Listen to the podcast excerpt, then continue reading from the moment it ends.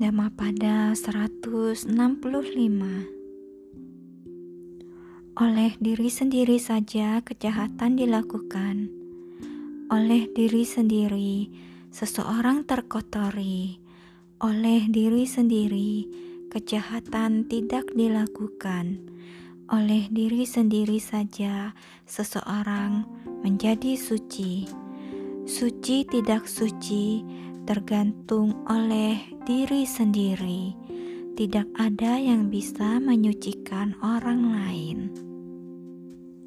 Kisah latar Tersebutlah seorang siswa perumah tangga yang bernama Cula Kala. Suatu hari, ia bermalam di wihara, menjalani delapan sila, dan bersemadi. Pada pagi harinya, saat pulang, ia berjumpa dengan segerombolan pencuri yang tengah dikejar-kejar para pemilik barang-barang curian. Para pencuri itu menjatuhkan barang jarahannya di hadapan Jula Kala, lalu melarikan diri.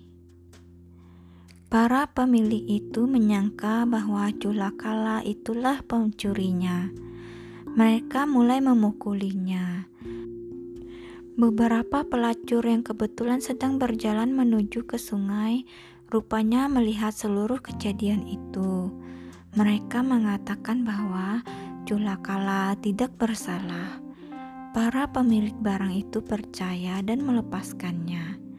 Tatkala Buddha mendengar peristiwa itu, ia melantunkan ayat ini dan berkata bahwa sesungguhnya lah Julakala tidak bersalah, sehingga Julakala tidak perlu merasa takut.